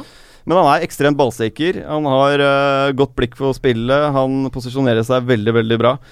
God fotballspiller. Han er faktisk tett oppunder landslagstroppen til eh, Spania, var det i fjor. Mm. Så Så et skup. 11 mil pund. Kjempesignering, men eh, Og han har vinnervilje. Mm. Men jeg tror fort han forsvinner tilbake til Spania etter den sesongen. Men det er ikke lån. Nei, det er kjøp. Du, ok, ja. Men uh, Så du tror man kommer til å mislykke, nei, mis, mislykkes eller mistrives? Nei, jeg da, tror Rocky Mesa kommer til å gjøre det bra, men jeg tror Swansea kommer til å gjøre det ganske bedritent. Ja, uh, at han ikke orker å være der mer. Men uh, hva med altså Las Palmas? Da Når du sier Las Palmas, så tenker jeg Hesse. Ja. Ja. Hva er bare sånn digresjon. Det blir Ja, det er digresjon. Altså, det er hva faen har skjedd? Hva skjer videre der? Nei, Vi får se. Jeg skal snakke mer om neste uke, men de har fått. Vitorlo på lån nå, da. Ja, Den avtalen er jo ganske sjuk, som vi snakker skal snakke mer om i Ja, ja. neste uke. Det, men du, på, mange, vi på, på, mange måter Hadde det ikke vært for at det var eh, Premier League i morgen, så hadde jo denne podkasten vært enda mer spennende, og vi kan prate om alt som har skjedd. Ja, ja. Nå er det jo veldig Premier League, dette her. Neste lag i Bergis. Stoke. Stoke, ja. De holder på å rykke ned, men gjør det ikke. Og de tre siste som rykker ned Men, men, men, men bare veldig kort. Stoke, for de som ikke har fått med seg hva som har skjedd der i sommer. Kort oppsummering. Zuma inn på lån. Ellers så har det vel ikke skjedd en dritt. De har fått Darren Fletcher på fri transfer, 33 år nå. Det jeg syns med Stoke, er at uh, jeg tror de blir overløpt på midten. Altså veldig tregt, tungt lag. Veldig average spillere over hele fjøla. Eh, tipper Marcus er den første som får sparken. Ja, Så. Stoke Loma-æraen, den er over Berger. Den er over. uh, helt, helt korrekt. Jeg så tror det, for jeg tror de kommer til å De gjøre kommer til å flørte med linja, altså. Ja, og det gjør de ganske, antagelig ganske tidlig, så jeg tror han ryker jo lenge tid før uh, du drar på elgjakt, Tim. Ja. det er lenge til, da. Det er lenge til. Nei, det er ikke lenge til. Ikke det nei. seks, åtte, ti uker? Syv, Ja, syv åtte jo, uker? jo, jo. Jeg har aldri vært på elgjakt før, men Skal kanskje. runde 50 først, for å begynne det. Jo, Ok. nei, da. Jeg, har, det jeg, har, jeg har lappen. Jegerlappen. Siste, siste tre. Burnley 18., Brighton 19. og Huddersfield 20. Ja. Det er vel ikke meget kontroversielt å melde. Nei, jeg tror Brighton er de av de tre lagene i bånn der som har størst sjanse til å overleve. Men uh, altså Huddersfield hadde jo negativ målforskjell da de rykket opp i fjor. Og skåret vel ett mål i playoffen eller hva det var for noe, og, og rykket opp. Det er helt utrolig at de klarte å komme seg opp i Premier League. Ser tungt ut. Mm, Eh. Burnley er jo litt sånn kult lag, for de satser veldig britisk. Ja. Det er jo kult. Ja. I, i en verden hvor på en måte veldig få gjør det, så de må jeg håpe at kanskje greier seg, men de gjør det jo ikke. Nei, Hadde de ikke vært for den hjemmeformen som er helt sjuk før jul Ja. i fjor, så hadde det gått til helvete. De datt jo som en sekk siste tre månedene, og nå det de har hentet, er jo Walters og Bardsley fra, Men, men fra føl, føles årets uh, nyopprykkede lag som dårligere enn fjorårets? Nei, men det er jo, Vi snakket om litt før sending, det er jo veldig ofte at to av de nyopprykkede rykker rett ned igjen. Ja. Det er gjerne ett av de som uh, klarer seg sånn decent. Ja. Og I år så tror vi det er Newcastle som kommer til å klare seg med en grei margin, ikke så mye Mm. mer enn det. Det er et jævlig steg altså fra championship til uh, Premier League. Og det har med ressurser å gjøre. Det har uh, Ja, det er, det er tøft. Eh, vi skal jo gjøre litt forandringer i fotballuka i år. Vi skal restrukturere litt, komme med litt nye juicy forandringer. Det kan vi egentlig komme mer tilbake til neste uke, når vi har tilbake Den høye mannen. Ja, han er vel i Bournemouth han nå, i hjembyen sin. Ja, ja, ja, ja, ja. Koser seg. Ja, ja, koser seg nå, vet du. På beachen. Ja. Og blir blekere enn noen gang. Eh, Berger eh, oppdager at han skal ta T-banen, så takk for i dag, Berger. Du kan si Takk skal du ha! Veldig bra. Takk skal du ha. Eh, og en juicy liten eh, nyhet er jo at eh, fotballuka nå er tilgjengelig på Spotify. Det er stilig. Det er stilig. Eh, så dere lyttere som er Om du er hap eh, Så kan du nå gå inn på Spotify-appen din og søke opp uh, Fotballuka. Så finner du oss der. Uh, Er vi på SoundCloud òg, eller? vi er på SoundCloud. Vi er overalt, vet du. Vi er overalt. Helt Eh, men uh, nå er det jo i hvert fall på Spotify som funker på alle mulige mobiler. Og det er en fin løsning. Utover det, Preben, er det noen siste ting du ønsker å si før vi sparker i gang Premier League i morgen? Jeg er litt sånn spent på om det er noen spillere som kan eh, Som har hatt litt dårlige sesonger, da, om de klarer å snu eh, og få en positiv sesong igjen. Um, jeg var innom i sted Cesk Fabregas, som nå kommer til å måtte få tillit av Conte. Jeg tror fort vi kan se det noe av det bedre enn da av Fabregas. Neppe Mm. det beste vi har sett han. De årene har kanskje vært allerede. Men jeg tror på en mye bedre sesong for, for han. Uh, Mkhitaryan er en annen en som uh, jeg tror går mot en bedre sesong. Mm. Det spilt seg litt varm i trøya. Tror fort at det kan funke bedre i år. Mm. Eh, tror ofte at vi kan se han litt mer igjen At Mourinho ofte kan spille litt mer 3-5-2 ja, i år. Ja. At vi får se han litt som en sånn second striker til Lukaku. Spennende. Eh, Så Hva tenker du nå eh, Altså, eh, vi har jo prata litt om at vi tror at eh, Harry Kane kommer til å skåre mye mål. Lukaku har gått til en vesentlig større klubb, eh, vil de fleste mene, når han har gått til eh, Manchester United. vanskelig å argumentere mot det. Ja. Hvem er den åpenbare, eller er det noen åpenbar toppskårer i eh, årets Premier League, sånn det ser ut? Tror det blir de samme gutta som vi snakker om egentlig hvert år. Jeg tror eh, Kane kommer til å være der. Uh, Lukaku kommer til å skåre mål. Uh, Sergio Aguero Mhm. Litt spent på om det er han eller Gabriel Jesus som kommer til å bli starteren i Premier League for Guardiola. Du tror ikke begge starter? Ikke i starten, nei det tror jeg ikke. Jeg tror ikke han kommer til å starte med begge to.